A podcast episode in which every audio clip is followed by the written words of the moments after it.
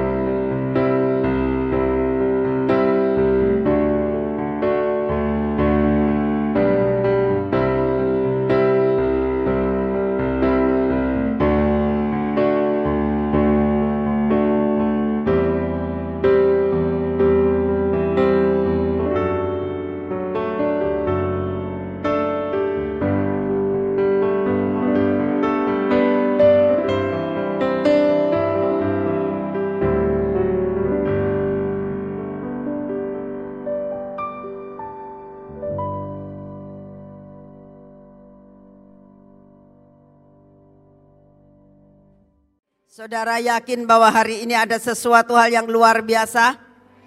Saudara yakin bahwa Tuhan kita Tuhan yang luar biasa?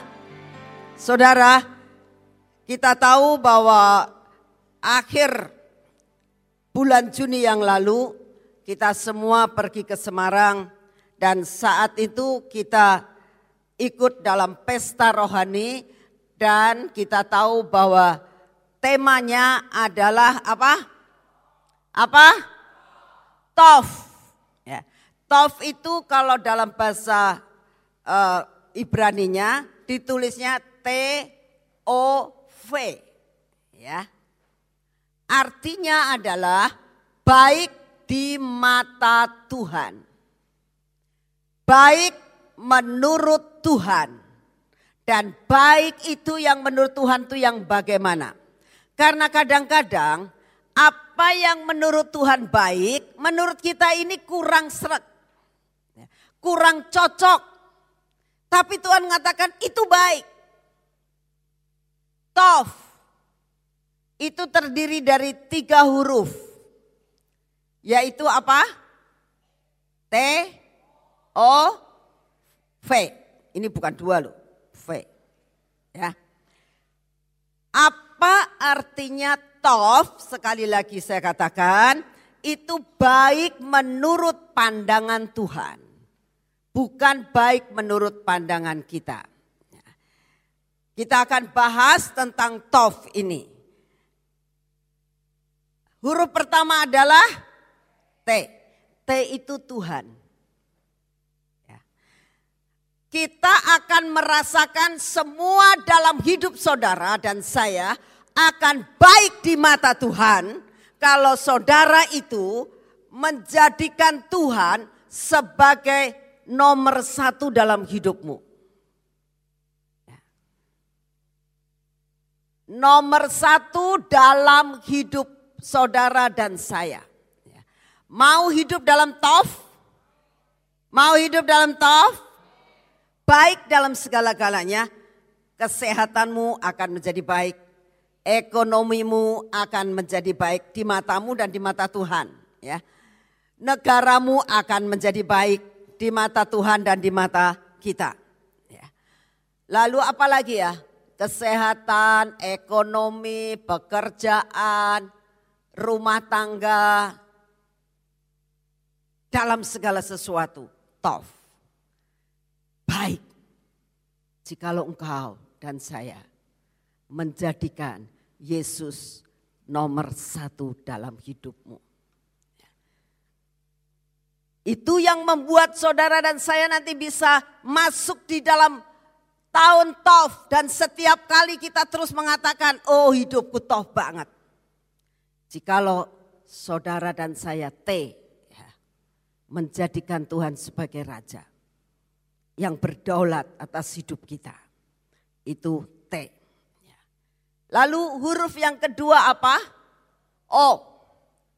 O itu adalah obey. Taat.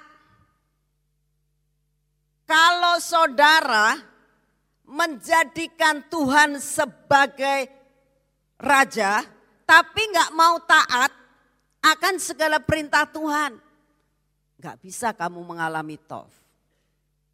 Obey itu namanya ketaatan nurut. Saudara, apa yang dimaksudkan begini maksudnya begini ya. Kalau saudara itu misalnya contoh saja ya. Saudara tinggal di Indonesia kan? Betul? Saudara tinggal di Cirebon? Saudara sekarang menjadi kota Sion?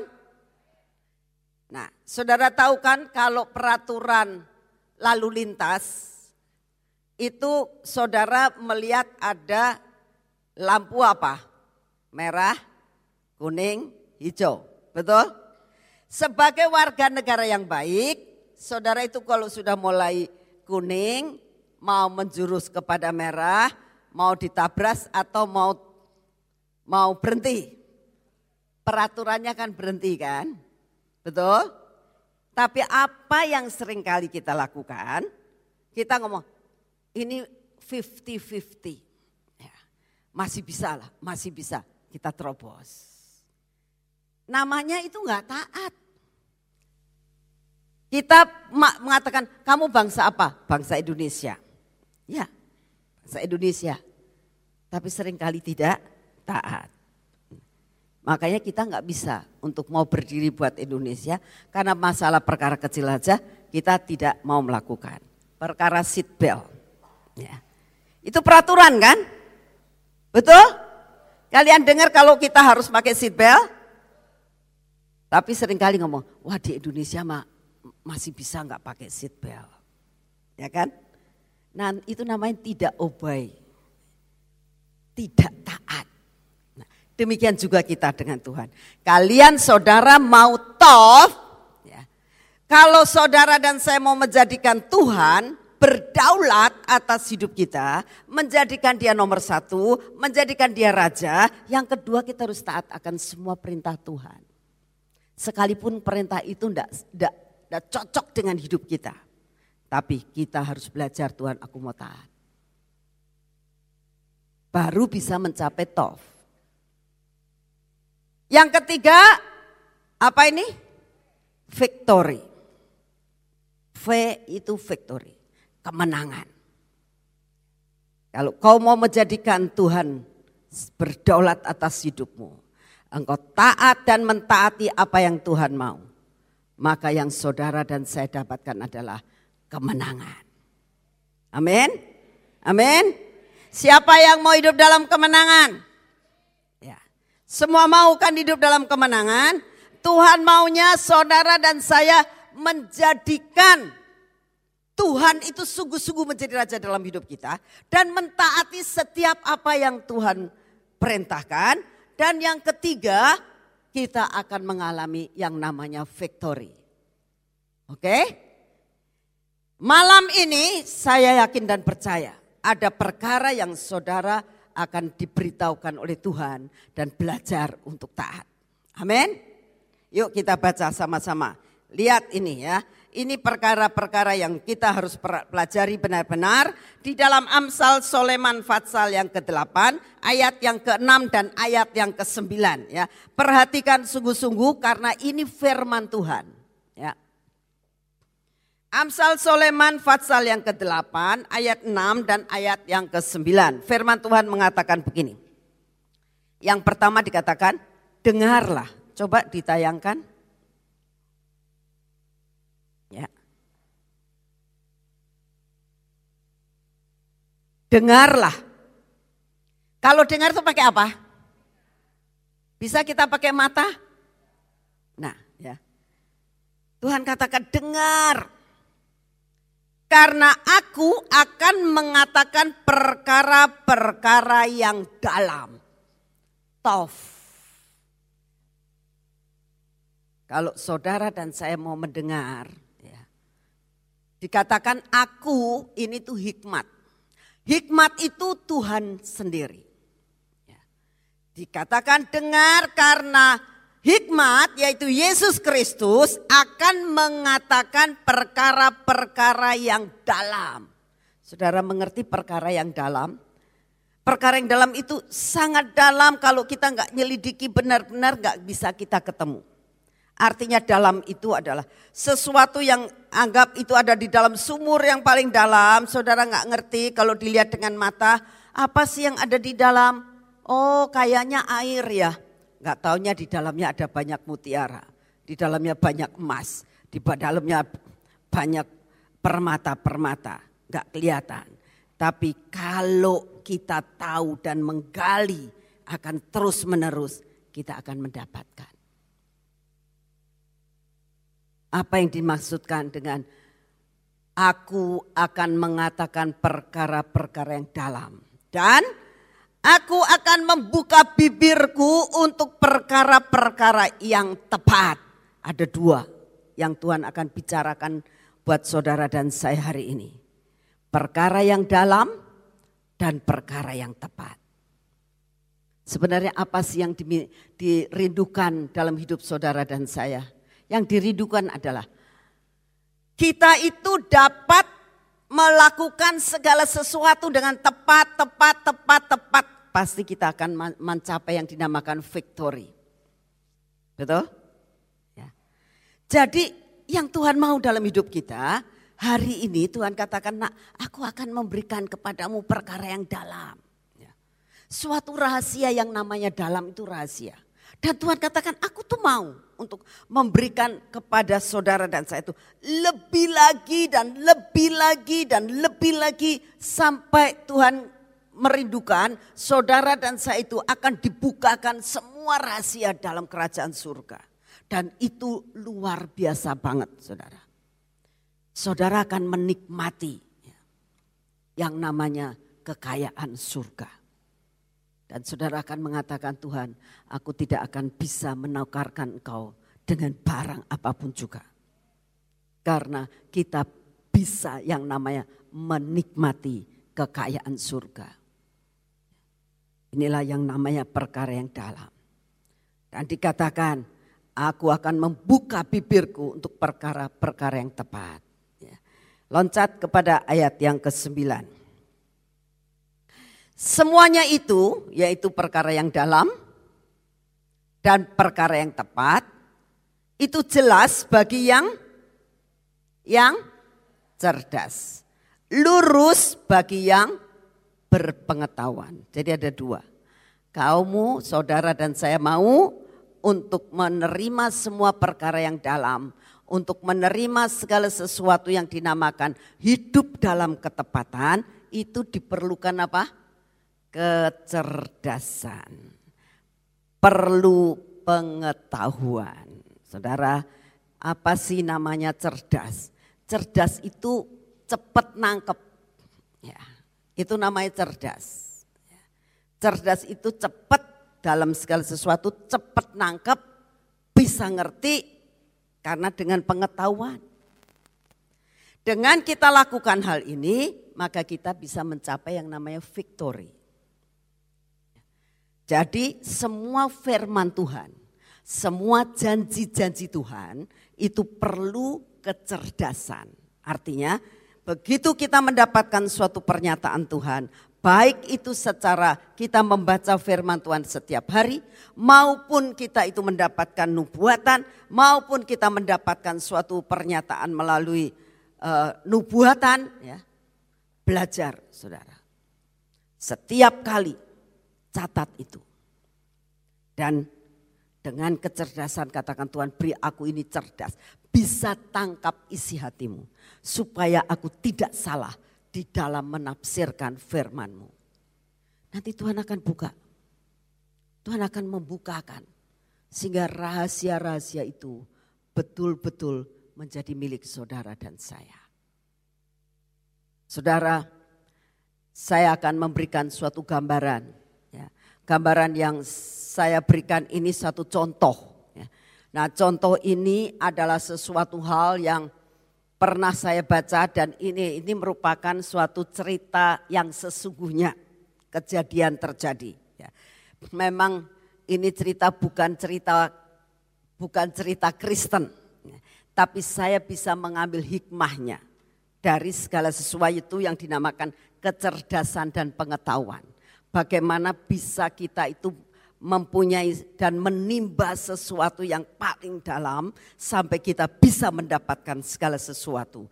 Bagaimana kita bisa tangkap akan hatinya Tuhan sampai kita bisa mengerti pas di dalam ketepatan sesuai dan cocok dengan hati Tuhan. Saudara, saya membaca sebuah buku kesaksian hidup dan ini kejadian sungguh-sungguh. Saya pernah sudah cerita waktu di PW tapi saya sekarang mau mengulangi lagi. Ada ini kejadiannya di Tiongkok, saudara. Ada seorang bapak punya dua orang anak. Ya. Anak yang pertama dan anak yang kedua. Anak ini sudah mulai dewasa dan dia sudah tahu persis apa yang harus dia lakukan. Seorang bapak pasti merindukan bahwa anaknya ini masa depannya akan menjadi seorang yang luar biasa. Masa depannya ingin supaya lebih daripada bapaknya. Setiap orang tua pengen gitu enggak? Ah? Apa ngomong, eh anak-anakku kamu enggak boleh lebih kaya dari aku gitu. Itu orang tua sing kualik pikirannya. Ya. Orang tua yang sungguh-sungguh dia memikirkan biar anakku ini lebih daripada diriku. Itu orang tua yang sungguh-sungguh. Ya. Jadi orang tua ini merindukan dua anaknya ini mempunyai kekayaan, mempunyai kepandaian, mempunyai segala sesuatu lebih daripada ayahnya. Oleh karena itu dia katakan begini, nak kamu sudah dewasa, aku memberikan bagian warisan yang sama. Ya. Warisan untuk anak pertama sama dengan anak yang kedua, dua-duanya sama. Lalu orang tua ini dia mengatur membuat suatu toko ya, dengan barang dagangan yang sama, tapi enggak sebelahan. Karena kalau sebelahan itu kan bisa saingan. Di, si anak nomor satu diberi suatu tempat, lokasi yang bagus, ya, yang benar-benar strategis, dibukakan toko di situ. Anak yang nomor dua dilakukan hal yang sama di tempat yang agak berbeda, tapi di tempat yang strategis juga dengan sesuatu eh, bahan-bahan uh, yang dijual sama, ya, tapi di lokasi yang berbeda. Lalu dikatakan begini, nak, aku sudah menyediakan segala sesuatu yang baik buat kamu. Ya. Engkau sekarang lola. Ya. Waktunya akan tiba, engkau harus laporan sama papa dalam jangka waktu sekian tahun. Papa tidak menghendaki kamu membayar kembali. Ya, tidak. Tapi satu hal, engkau harus dapat mengembangkan apa yang papa berikan kepadamu. Dua anak ini mengerti. Ya, dia ngerti bahwa papanya sayang banget sama dia. Dia tahu persis bahwa papanya memberikan yang terbaik. Terus papanya mengatakan begini. Sekalipun aku tidak minta kamu itu mengembalikan hasil modal itu. Tapi ada satu syarat yang kamu harus jalani dan harus kamu taati. Nah ini kan begini ya, menjadikan papahnya ini benar-benar berdaulat dan dia tahu persis memberikan yang terbaik. Yang kedua adalah ketaatan, obey. Ya, oh tadi. Dia merasakan aku harus taat. Apa sebenarnya papahnya ngomong apa buat anaknya? Papahnya ngomong begini, nak kamu usahakan usaha ini dengan satu syarat engkau tidak boleh kena sinar matahari. Dua-duanya melongo. Yang nomor satu melongo, yang nomor dua melongo. Mau usaha, suruh buka toko, tidak boleh kena sinar matahari. Sedangkan saya harus keluar dari rumah, sudah kepanasan. Apakah lebih baik aku itu kerjanya cuma setengah tahun pada saat musim dingin, kalau musim panas nggak kerja atau bagaimana? Dia bingung sekali. Dua-duanya mendapatkan perintah yang sama. Lalu anak yang pertama merasakan begini, ada dua alternatif yang bisa diambil. Aku kerja cuma setengah tahun, ya. Atau yang kedua, aku mau buat terowongan dari rumah saya menuju ke tokonya. Sehingga aku kalau pergi maupun pulang tidak kena panas. Saudara, dia taat akan apa yang diperintahkan papahnya tidak boleh kena sinar matahari. Tapi dia dia dengan pengetahuannya dia merasakan, dia milih salah satunya yaitu buat terowongan, Saudara. Sehingga modal yang diberikan itu tiga perapat sudah habis buat terowongan di bawah tanah. Saudara tahu kalau namanya terowongan di bawah tanah itu kan biayanya tidak sedikit. Ya. Dia buat terowongan di bawah tanah hampir biayanya tiga perempat modalnya habis. Itu modal itu cash flow-nya ya, bukan masalah barang-barang yang di, diberikan sih sama aja. Tapi cash flow itu mereka mendapatkan modal modal dagang buat perputaran. Itu sudah habis tiga perapat. Tapi akhirnya jadi, saudara. Jadi, dia kalau setiap hari dia merasakan, aduh seneng sekali ya. Aku tidak kena panas seperti yang diperintahkan oleh bapakku. Anak yang kedua, dia mulai berpikir, kalau aku hanya kerja setengah tahun, kapan aku bisa baliknya modal? Kalau aku buat terowongan, bagaimana? Modalnya sudah habis terlebih dahulu, aku gak bisa untuk uh, untuk beli barang dagangan lagi. Dia punya pengetahuan, dia juga punya ketepatan. Dan dia selain punya pengetahuan, dia juga punya kecerdasan. Dua-duanya punya kecerdasan, dua-duanya punya pengetahuan. Ya. Karena untuk mencapai tof. Lalu anak yang kedua mengatakan begini, wah aku punya cara. Lalu dia mengatakan begini, dia kalau buka toko sebelum matahari terbit, jam 5 pagi, dia sudah bangun pagi-pagi, dia pergi ke pasar, ke tokonya, ya, tidak kena matahari karena matahari belum terbit. Pagi-pagi dia sudah buka toko. Ya.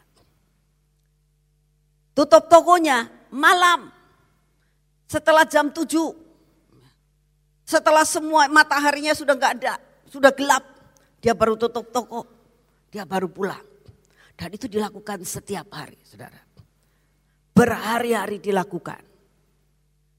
Si kokonya ngomong begini kakaknya, adikku goblok ya. Wong enak-enakan seperti ini loh. Lebih enak aku toh.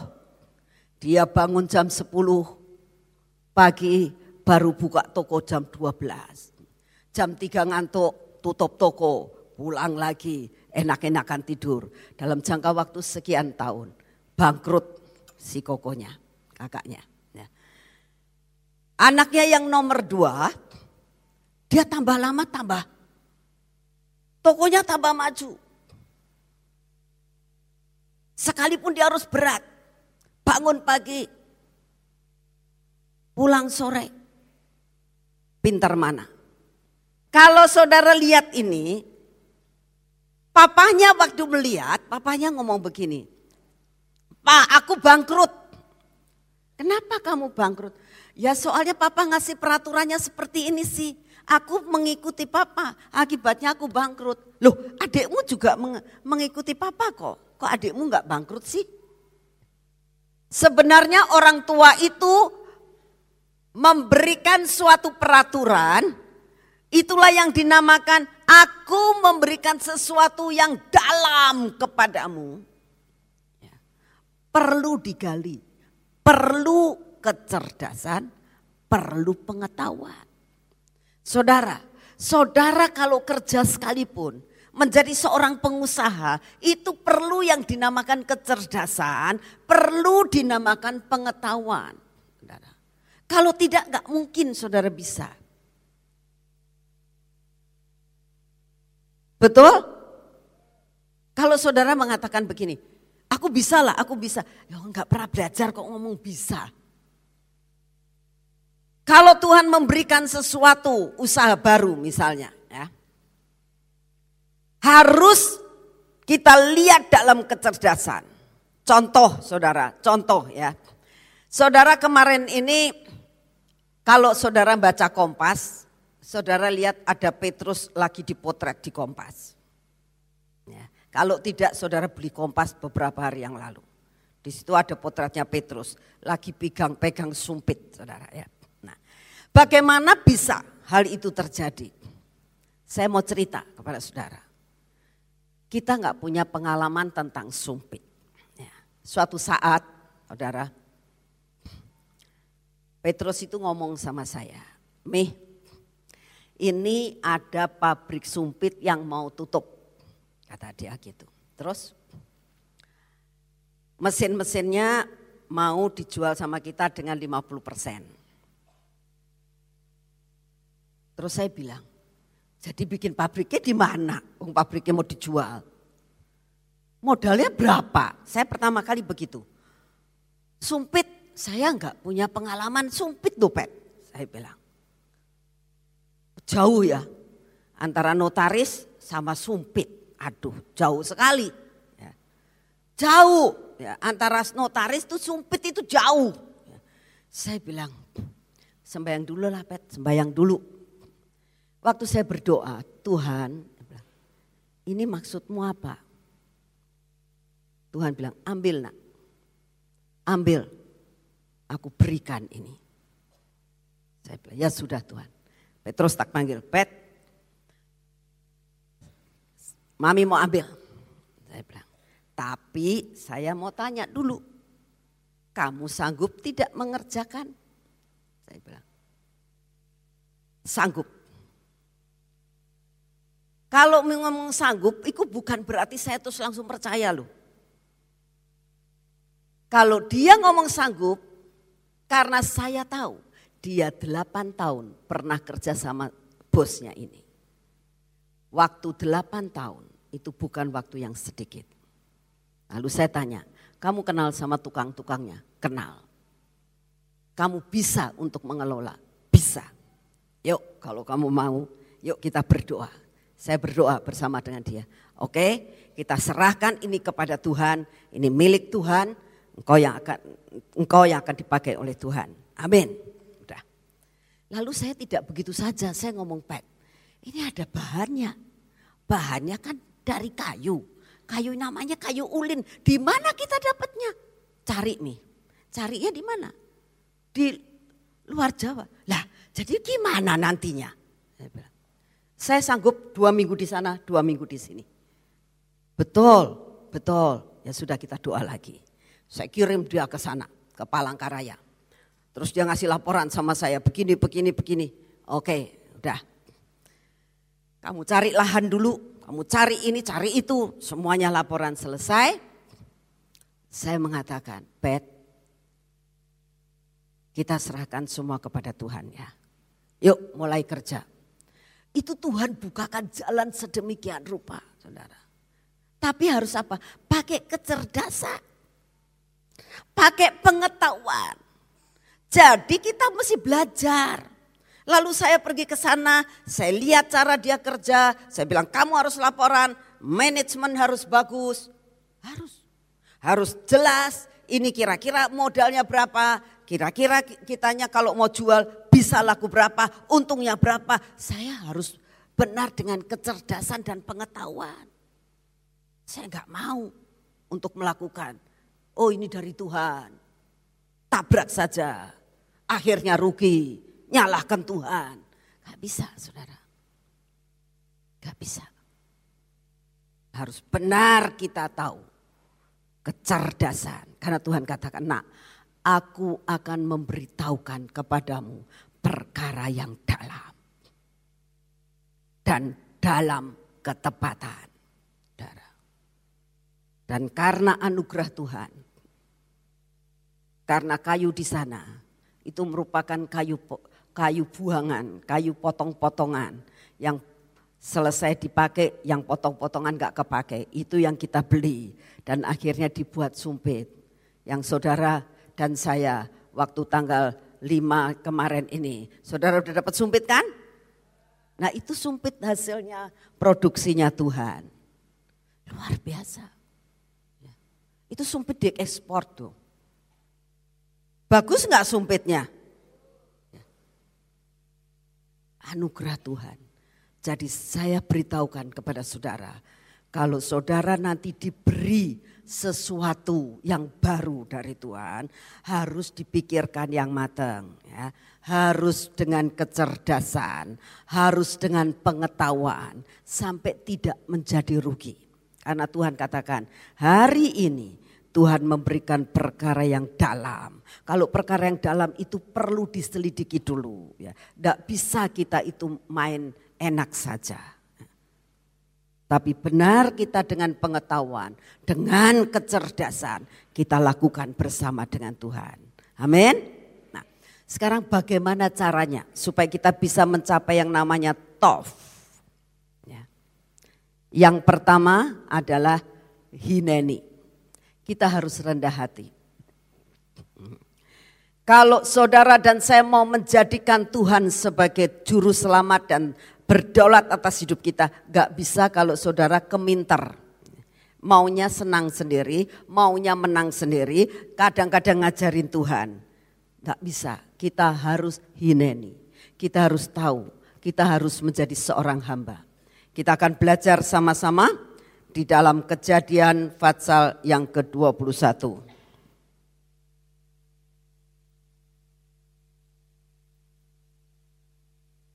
Kejadian Fatsal yang ke-21 ayat yang ke-9. Kita akan baca mengatakan tentang hal Abraham mengusir Hargar dan Ismail. Ya. Ini cerita saya tidak cerita tentang Abraham, saya tidak cerita tentang Sarai, tapi hari ini kita belajar dari Hagar. Ya. Pada waktu itu Sarah melihat bahwa anak yang dilahirkan Hagar, perempuan Mesir itu bagi Abraham sedang main dengan Ishak anaknya sendiri. Berkatalah Sarah kepada Abraham, usirlah hamba perempuan itu beserta anaknya Sebab anak hamba ini tidak akan menjadi ahli waris bersama-sama dengan anakku Ishak. Perhatikan kata hamba. Ya, di sini katakan, usir hamba perempuan itu. Dikatakan lagi, karena anak hamba itu tidak akan menjadi ahli waris bersama-sama dengan anakku. Kata hamba. Sedangkan, saudara, ya, sebetulnya memang Hagar itu budaknya Sarai. Tapi kita lihat dalam kejadian 16. Kejadian Fatsal 16 ayat 3 dikatakan begini. Jadi Sarai, Sarai dikatakan apa? Hah? Istri Abraham. Ya. Sarai tetap dikatakan istri Abraham. Jadi Sarai istri Abram itu mengambil Hagar hambanya orang Mesir itu. Yakni ketika Abram telah 10 tahun tinggal di tanah Kanaan. Lalu memberikannya kepada Abraham suaminya untuk menjadi. Jadi statusnya bagaimana si Hagar ini? Istri. Status dari hamba menjadi istri jadi statusnya itu misalnya orang itu naiklah. Ya. Statusnya naik. Tapi saat kita baca di dalam kejadian 21 ayat 9, tetap Sarai mengatakan dia itu sebagai budak. Sebagai hamba. Coba lihat. Hagar dia itu sebagai seorang istri. Dulunya budak, sudah jadi istri. Punya hak kan? Budak sama istri itu beda. Kalau istri itu punya hak, budak nggak punya hak. Betul? Tapi dia kan sudah jadi istri. Seharusnya dia punya hak. Apalagi saat itu dia melahirkan anak pertama dari Abraham. Dia sebetulnya punya hak yang luar biasa, lebih dari Sarai. Karena Taurat mengatakan, memang saat ini belum Taurat ya, belum ada Taurat. Taurat itu mengatakan begini, kalau anak pertama sekalipun dari istri yang nomor berapa, kalau dia anak pertama, dia tetap punya hak kesulungan. Itu Taurat. Tapi bisa diubahkan. Jadi sebetulnya secara badan secara dunia itu dia punya hak yang luar biasa. Tapi kalau saudara lihat lagi di dalam ayat yang ke-8 pada saat Sarai itu melihat begitu Hagar itu mengandung dia tingkahnya mengatakan aku sudah jadi istri. Lalu diusir ceritanya sama Sarai. Kamu pergi. Hagar gak ngomong, Nyonya kamu tahu gak? Aku ini jadi istrinya. Abraham, kamu istrinya, saya istrinya. Sama-sama kan punya hak. Malah aku sudah mengandung, kamu belum. Bisa begitu kan? Tapi karena dia statusnya tetap mengerti kalau dia seorang hamba. Dia tetap diusir, dia tetap pergi. Lalu kalau kita lihat dalam ayat 8. Ayat 7 dulu. Lalu malaikat Tuhan menjumpai Hagar dekat suatu mata air di padang gurun, yakni dekat mata air di jalan ke Syur, katanya, Hagar hamba Sarai, dari manakah datangmu dan ke mana pergimu? Jawab, aku lari meninggalkan sarai nyonyahku. Tuh tetap dia ngomong nyonyah loh, nggak ngomong maduku. Ya, sainganku tuh loh. Malaikat ngusir aku. Dengan sombongnya dia mengatakan, dia maduku. Terus sampai bla bla bla bla bla bla karena dia iri sama aku, aku ternyata sudah bisa mengandung yang ini, yang dia nggak mengandung malaikat. Jadi akhirnya aku diusir. Jadilah engkau sebagai seorang yang menjadi hakim antara aku dengan engkau. Aku dengan maduku ini, engkau akan pasti membela aku. Saudara, lihat betapa sering kali kita itu mem merasakan, aduh aku punya hak, mempertahankan hakku. Aku punya hak aku harus dibenarkan. Mulai hari ini, kalau engkau saudara dan saya mau masuk di dalam tof, belajar, tetap kita katakan, aku hineni. Apa pun orang melakukan akan diriku, tetap kita itu hineni. Sekalipun orang lain menyalahkan kita, ya, sekalipun kita tidak bersalah, tapi kita belajar, Tuhan aku mau hineni. Yang begitu Tuhan perhitungkan. Belajar seperti Hagar. Dia cuma mengatakan, Hagar hamba Sarai sampai malaikat juga ngomongnya dia sebagai sebagai hamba. Dia nggak mengatakan hai istri Abraham, tidak. Dia tetap dikatakan hai hamba Sarai. Berarti statusnya tetap sebagai budak. Sekalipun dia sudah menjadi istri Abraham. Ini saudara, statusmu mau diangkat Tuhan sebagai apa pun. Saudara harus jelas, aku adalah seorang hamba. Dan seorang hamba akan benar-benar mengerti statusku adalah seorang hamba. Saudara, ini yang Tuhan mau dalam kehidupan saudara dan saya.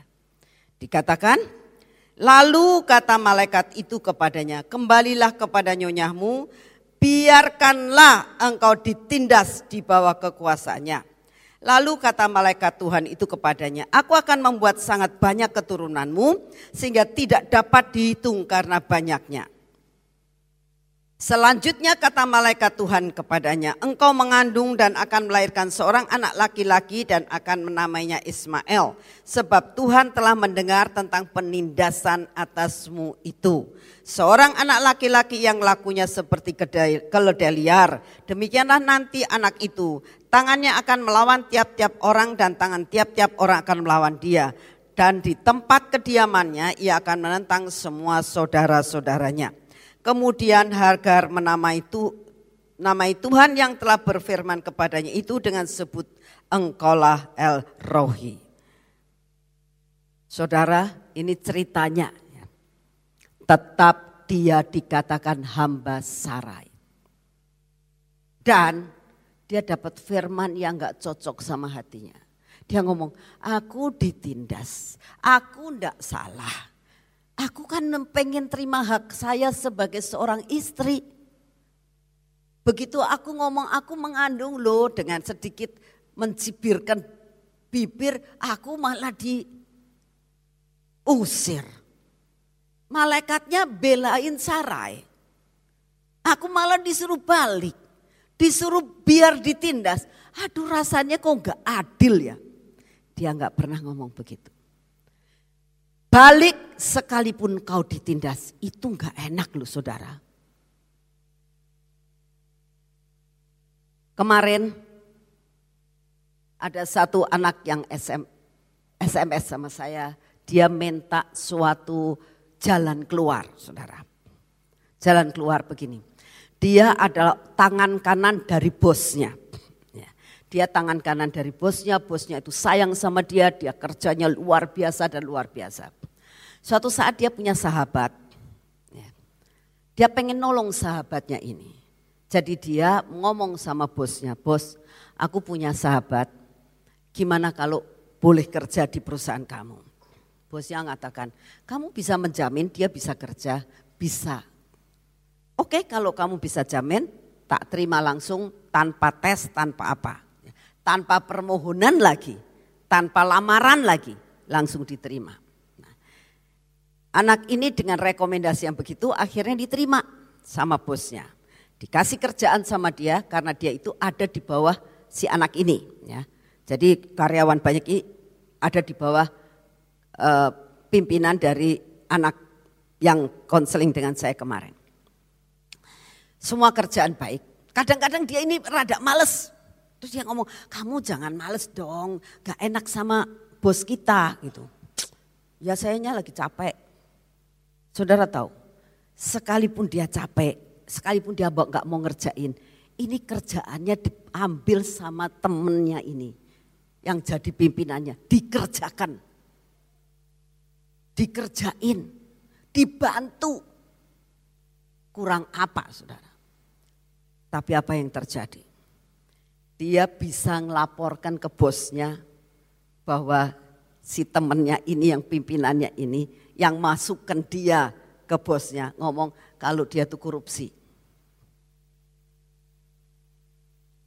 Sampai kedengaran dia. Dia hatinya sakit. Dia ngomong sama saya, Bu, apa yang harus saya perbuat? Saya bilang, apakah saya lebih baik keluar dari perusahaan itu supaya dia bisa maju? Sebenarnya Tuhan tuh menghendaki apa sih dengan kejadian seperti ini? Saya bilang, saya doain, terus saya bilang gini, kamu jangan keluar. Kamu terus terang sama bosnya kamu. Kejadiannya seperti ini. Saya sudah bicara, terus bos kamu mengatakan bagaimana? Bosnya saya mengatakan, saya lebih percaya kamu daripada teman kamu yang kamu masukkan. Ya sudah dong, kan majikan kamu sudah ngomong begitu. Sudah, jangan keluar, tetap. bilang gitu. Dan serahkan kepada Tuhan, kebenaran akan menjadi kenyataan.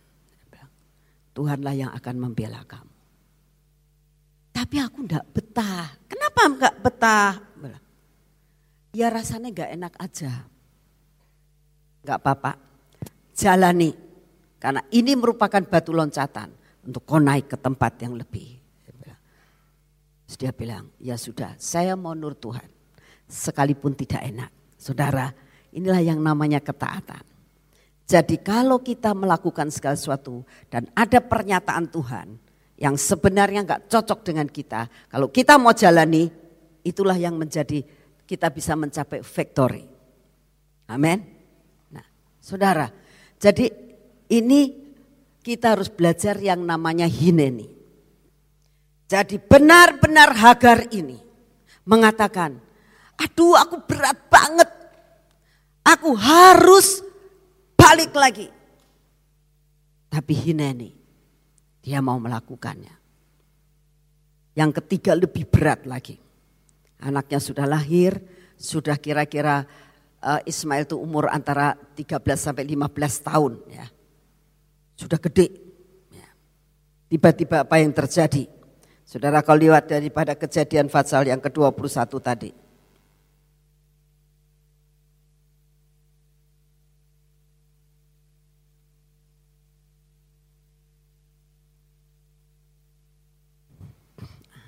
Ayat yang ke-10. Berkatalah Sarah kepada Abraham, usirlah hamba perempuan itu beserta anaknya.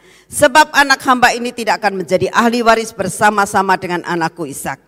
Hal ini sangat menyebalkan Abraham oleh karena anaknya itu. Jadi sebetulnya Abraham itu enggak cocok. Karena apa? Bukan karena Hagar. Tapi karena dia tahu persis ini anakku. Ismail tuh anakku. Kamu kok kejem banget gitu loh. Ya. Tapi apa? Tetapi Allah berfirman kepada Abraham, janganlah sebal hatimu karena hal anak budakmu itu. Dalam segala hal yang dikatakan Sarah kepadamu, haruslah engkau mendengarkannya. Sebab yang akan disebut keturunanmu ialah yang berasal dari Ishak. Tetapi keturunan dari hambamu itu juga akan kubuat menjadi suatu bangsa karena ia pun anakmu. Tetap ada perkataan hamba. Ya. Jadi hal yang pertama, benar-benar harus hineni. Sarai melakukan apa pun terhadap Hagar. Hagar harus hineni. Bagaimana Hagar bisa mencapai tof? Harus hineni. Teruskan. Keesokan harinya, pagi-pagi Abraham mengambil roti serta sekirbat air dan memberikan kepada Hagar. Ia meletakkan itu beserta anaknya di atas bau Hagar. Kemudian disuruhnyalah perempuan itu pergi. Maka pergilah Hagar dan mengembara di padang gurun Berseba. Kata Hagar itu artinya mengembara memangnya. Arti kata Hagar itu mengembara jadi saat dia mengembara, dia ngomong gini, mungkin dalam hatinya, ya wong dasar aku juga seorang budak sih, gak punya hak sama sekali. Jadi istrinya Abram kemungkinan juga sudah 15 tahun, 16 tahun. Terus diusir begitu saja, gak dikasih apa-apa. Cuman dikasih roti sama serkirbat air dikatakan. Dan ngomong, kamu pergi ya ke padang gurun, tidak tahu kamu nanti jadi apa, pokoknya kamu pergi. Saudara, saudara bisa bayangkan hati seorang istri diusir begitu saja. Cuma dikasih roti sedikit, dikasih air sekirbat, disuruh pergi. Bagaimana perasaan istri? Ismail. Ismail bukan anak yang belum bisa mikir. Anak umur 15 tahun itu sudah dewasa. Paling tidak dia sudah SMP. Sudah pikirannya sudah tahu. Dia bisa pikir, papa ini gimana sih? Tapi saudara lihat, dalam Alkitab tidak pernah dikatakan bahwa Ismail berontak. Di dalam Alkitab tidak pernah dikatakan Hagar berontak. Dia nurut. Dia ikutin. Disuruh pergi, dia pergi. Hamba. Hamba melepaskan haknya. Saudara, ini yang Tuhan mau dalam kehidupan kita. Untuk mencapai tof. Ya, harus taat. Seperti yang Tuhan mau dalam kehidupan kita. Tof, saudara. Itu yang Tuhan mau dalam kehidupan kita. Obey. Benar-benar ketaatan ada dalam hidup saudara dan saya. Kita teruskan. Ketika air yang dikirbat itu habis, dibuangnya anak itu ke bawah semak-semak. Dan ia duduk agak jauh, kira-kira sepemanah jauhnya, sebab katanya, tidak tahan aku melihat anak itu mati. Sedang ia duduk di situ menangislah ia dengan suara nyaring. Allah mendengar suara anak itu, lalu malaikat Allah berseru dari langit kepada Hagar katanya kepadanya, apakah yang engkau susahkan Hagar? Jangan takut sebab Allah telah mendengar suara anak itu dari tempat itu, tempat ia berbaring. Saudara, Hagar dapat firman enggak? Pada saat pertama kali dia diusir sama Sarah. Dapat firman enggak? Dapat firman enggak? Tadi dengar enggak sih saya yang baca? Hah? Dapat firmannya apa? Kamu enggak usah takut. Kamu balik kepada nyonyamu sekalipun kamu ditindas. Karena engkau akan melahirkan seorang anak laki-laki. Betul? Nama dinamai siapa? Ismail. Dia akan menjadi besar dan dia akan diberkati. Betul? Betul? Nah, sekarang firman itu sudah jadi kenyataan. Zaman dulu enggak ada USG. Jadi tidak tahu itu laki dan perempuan. Tapi sudah diberitahukan anakmu laki-laki. Jadi akhirnya nyata anaknya laki. Menjadi besar. Dia punya pemikiran. Wah pasti dia menjadi keturunan Abraham. Ya. Eh baru 15 tahun diusir lagi. Gimana perasaan sebagai seorang ibu? Dapat janji Tuhan. Tapi dia tetap sebagai seorang hamba. Saat dia dalam keadaan yang sangat kritis. Masa-masa penentuan. Dia mengatakan anakku iki mati. Sudah, gak ada harapan. Sedang firman Tuhan, anakku ini akan menjadi besar.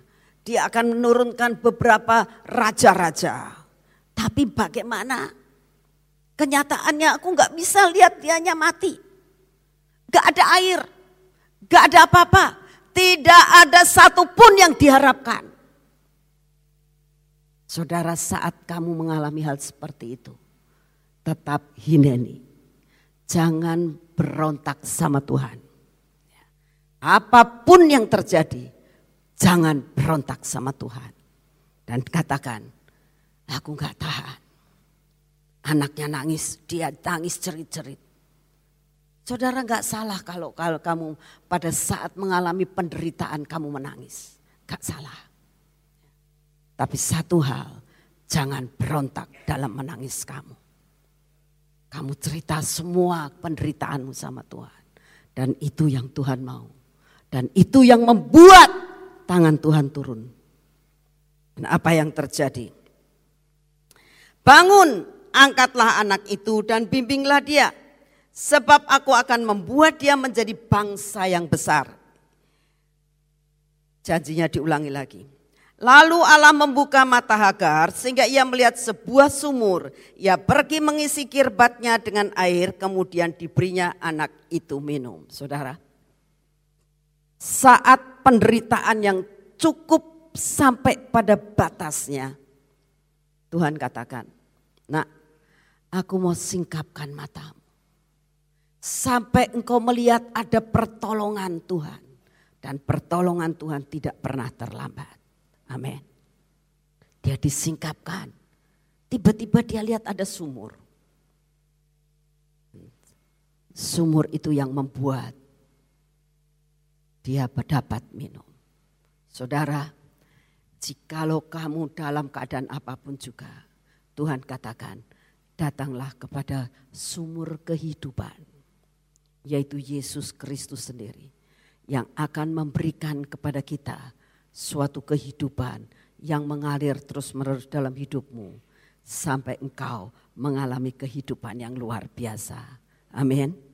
Karena Tuhan katakan, akhirnya kalau saudara lihat hasil daripada semuanya itu, kita bisa melihat bahwa saat yang seperti itu, maka apa yang terjadi? Semua janji Tuhan digenapkan. Maka dikatakan kalau keturunan Ismail itu menurunkan 12 raja-raja. Tetap tergenapkan. Victory akhirnya. Ya. Akhirnya mengalami tof. Karena apa? Karena dia rendah hati. Matanya disingkapkan sama Tuhan. Terjadi sesuatu yang luar biasa. Saudara percaya ini bisa terjadi atas hidup kalian? Bisa terjadi? Saudara, saya akan tutup dengan suatu kesaksian. Ya. Saudara tadi menyanyikan O Jehovah. Ya, tolong ditayangkan kata-kata dari pujian tadi. Pujian ini lahir dari suatu pergumulan. Ya. Saudara senang dengan lagu ini? Ya? Ya? Ya?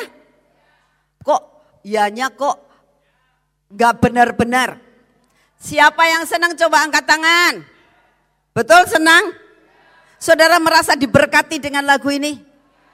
Lagu ini dicip, tercipta, ya, bukan diciptakan, tercipta dari suatu pergumulan yang amat berat dari suami istri. Lagu ini diciptakan tercipta pada saat Ririn, kalian tahu Ririn itu keponakannya saya, anaknya Ibu Esther, dan Roy suaminya mengalami suatu pergumulan yang amat sangat berat. Sampai terciptalah lagu ini.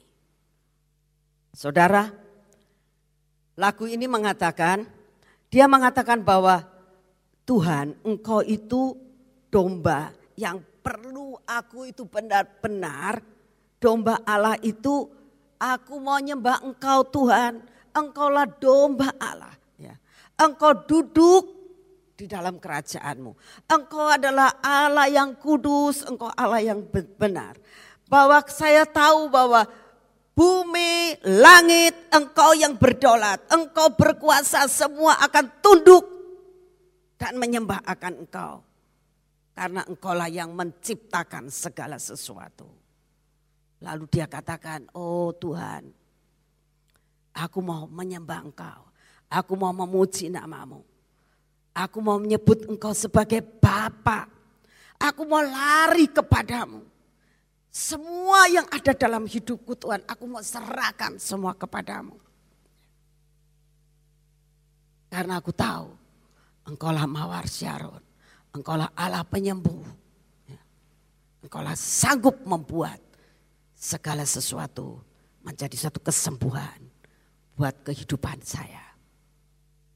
Ini lagu tercipta dari sesuatu pergumulan. Apa pergumulannya saudara? Anak yang kedua, Ririn itu mengandung anak yang kedua setelah anak ini uh, anak yang pertama sudah berusia tiga tahun lebih, dia mengandung lagi. Di sana itu ada peraturan. Kalau kandungan itu mencapai 12 minggu, itu harus periksa. Mau tidak mau.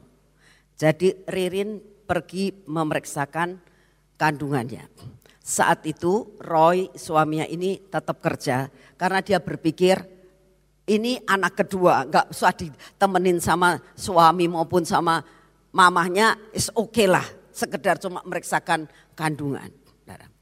Saat diperiksa oleh dokter kandungan, dokternya dia, dokter langganan dia, waktu dia melahirkan anak pertama juga bersama dokter ini, dokter ini mengatakan kamu harus periksa lab. Ya periksa lab, kalau di sana kan, kalau di sini lab kan lama. Kalau di sana itu namanya di Australia lab itu gampang cepat sekali. Begitu periksa lab, dokternya ngomong begini, kamu duduk dulu gitu. Dia udah deg-degan, kenapa aku disuruh duduk gitu. Terus dia ngomong, kamu tenang ya. Aku mau kasih tahu kepada kamu, tapi mau tidak mau kamu harus tahu bahwa anak kamu ini kena virus kandungan. Jadi uh, janinnya kena virus, virusnya itu Down syndrome. Jadi kalau anak ini lahir pasti cacat. Ya. Jadi ada dua pilihan. Kamu mau terima anak ini nanti lahir, sanggupkah kamu menerima anak ini? Akan menjadi beban dalam hidup kamu dan anak ini akan menderita. Dan yang kedua, atau kamu mau gugurkan. Kalau saya mengharapkan kamu ambil alternatif kedua yaitu digugurkan. Saat Ririn dengar itu tanpa didampingi suaminya, tanpa didampingi oleh orang tuanya, itu dia mengatakan, aku seperti jatuh dari atas dan jatuh berkeping-keping. Hatiku hancur terrobek-robek dia bilang. Dia cerit, dia nangis waktu itu. Lalu dokternya mengatakan, saya akan konsulkan kamu kepada dokter yang lebih ahli lagi tentang darah. Jadi uh, siapa tahu lab ini ternyata salah dia bilang. Jadi dikonsulkan lagi ke dokter yang lebih ahli. Dia periksa lagi darahnya. Diperiksa lagi janinnya. Dan ternyata keputusan dan hasilnya tetap sama. Lalu dokter itu mengatakan, aku mengharapkan kamu gugurkan saja. Dia ngomong gini, saya sudah mengambil keputusan, kata Ririn. Apa yang Tuhan berikan itu yang terbaik buat saya dan keluarga saya. Apa pun yang terjadi buat anak ini, saya akan terima.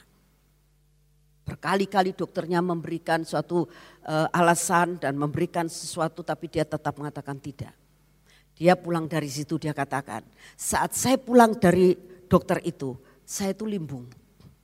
Dia sampai jalan, sampai dia tidak tahu mobilnya diparkir di mana. Saudara bisa bayangkan, dalam keadaan yang seperti itu dia lagi mengandung ya, 12 12 minggu ya. dia sendirian dia harus nyupir lagi pulang. Gak ada yang nemani. Sampai dia tidak tahu parkirnya di mana. Sepanjang koridor rumah sakit itu dia nangis terus. Sampai dia mulai sadar, aku harus pulang. Gitu. Lalu dia cari parkir tempat parkir mobil itu, dia pulang. Dia di, di dalam rumah sambil menunggu suaminya pulang sore hari. Ya. Dia nangis teriak-teriak sama Tuhan. Ya. Dia katakan Tuhan, apa pun yang kau berikan, aku tahu itu pahit banget Tuhan. Sedangkan saudara tahu, ini anak sayang Tuhan, cinta Tuhan. Pelayanannya penuh dengan Tuhan. Luar biasa. Dan Tuhan izinkan dia mengalami seperti itu. Berat banget. Dia nangis sambil menunggu akan suaminya pulang. Tepat suaminya pulang. Ngelihat matanya bengkak. Suaminya ngomong, kamu ada apa? Dia cerita Suaminya pun syok sekali.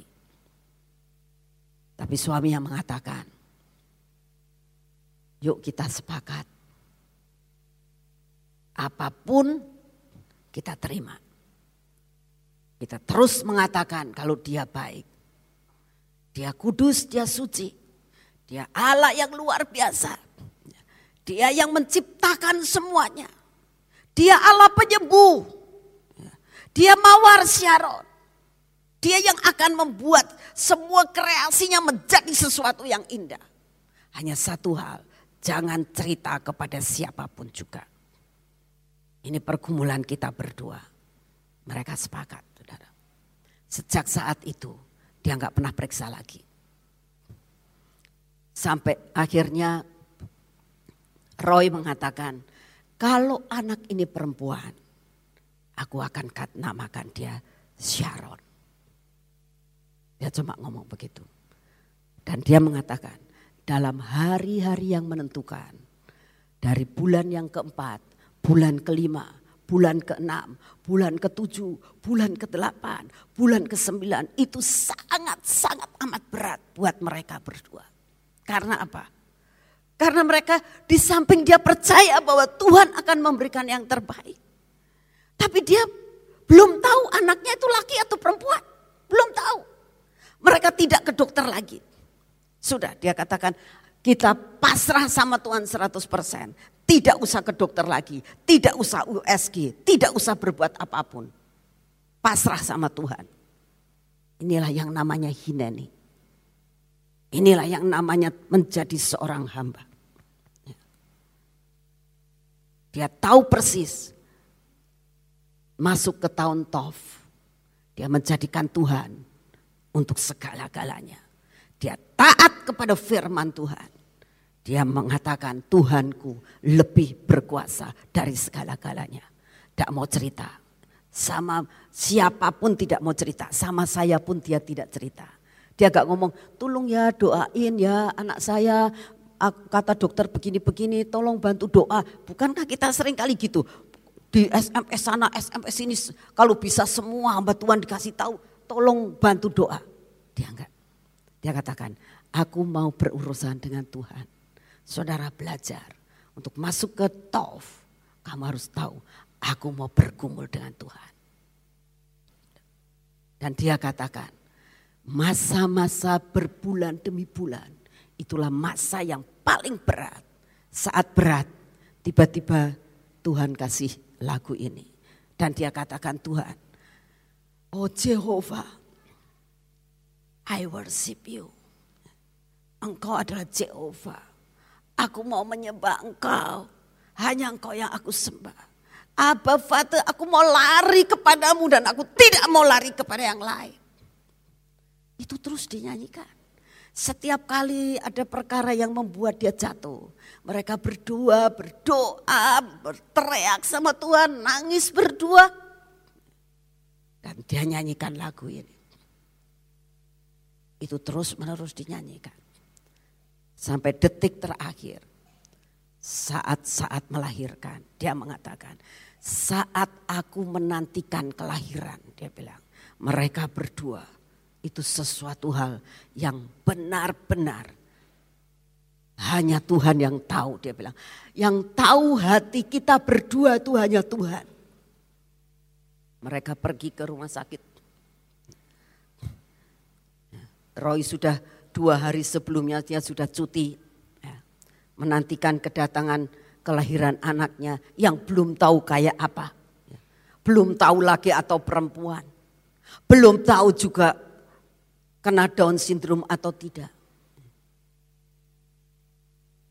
Saat dia masuk rumah sakit, mereka doa, Tuhan apa pun yang kau berikan itu yang terbaik buat kami. Dan kami menerima. Dan saya percaya Mawar Sharon akan menjadi milik kami. Dengan iman, anaknya lahir. Dengan sangat mudah anak itu lahir. Tidak mengalami kesulitan apa pun. Saat anak itu lahir dan diperiksa, ternyata normal 100%.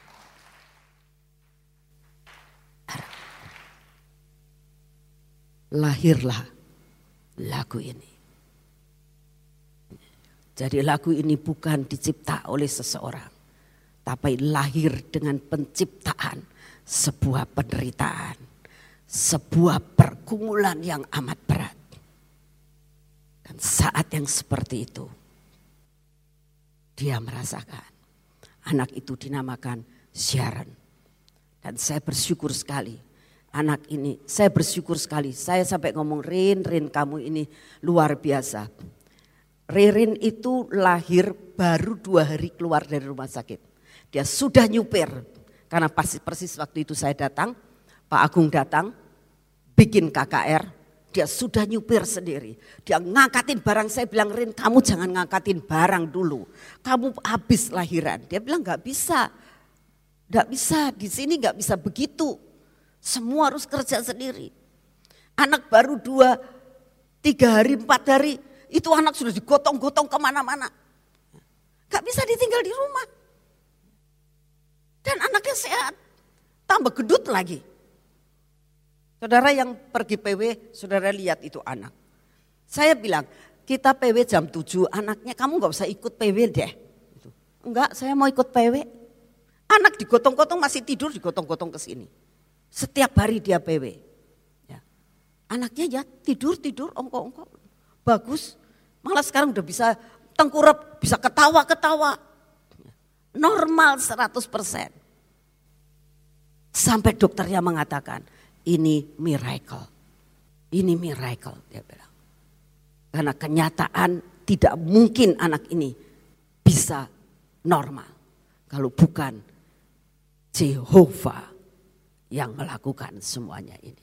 Saudara, kalau Tuhan bisa melakukan semuanya, saya yakin bahwa saat ini menghadapi apa pun, menghadapi pergumulan saudara dan saya, Jehovah lari kepada Jehovah.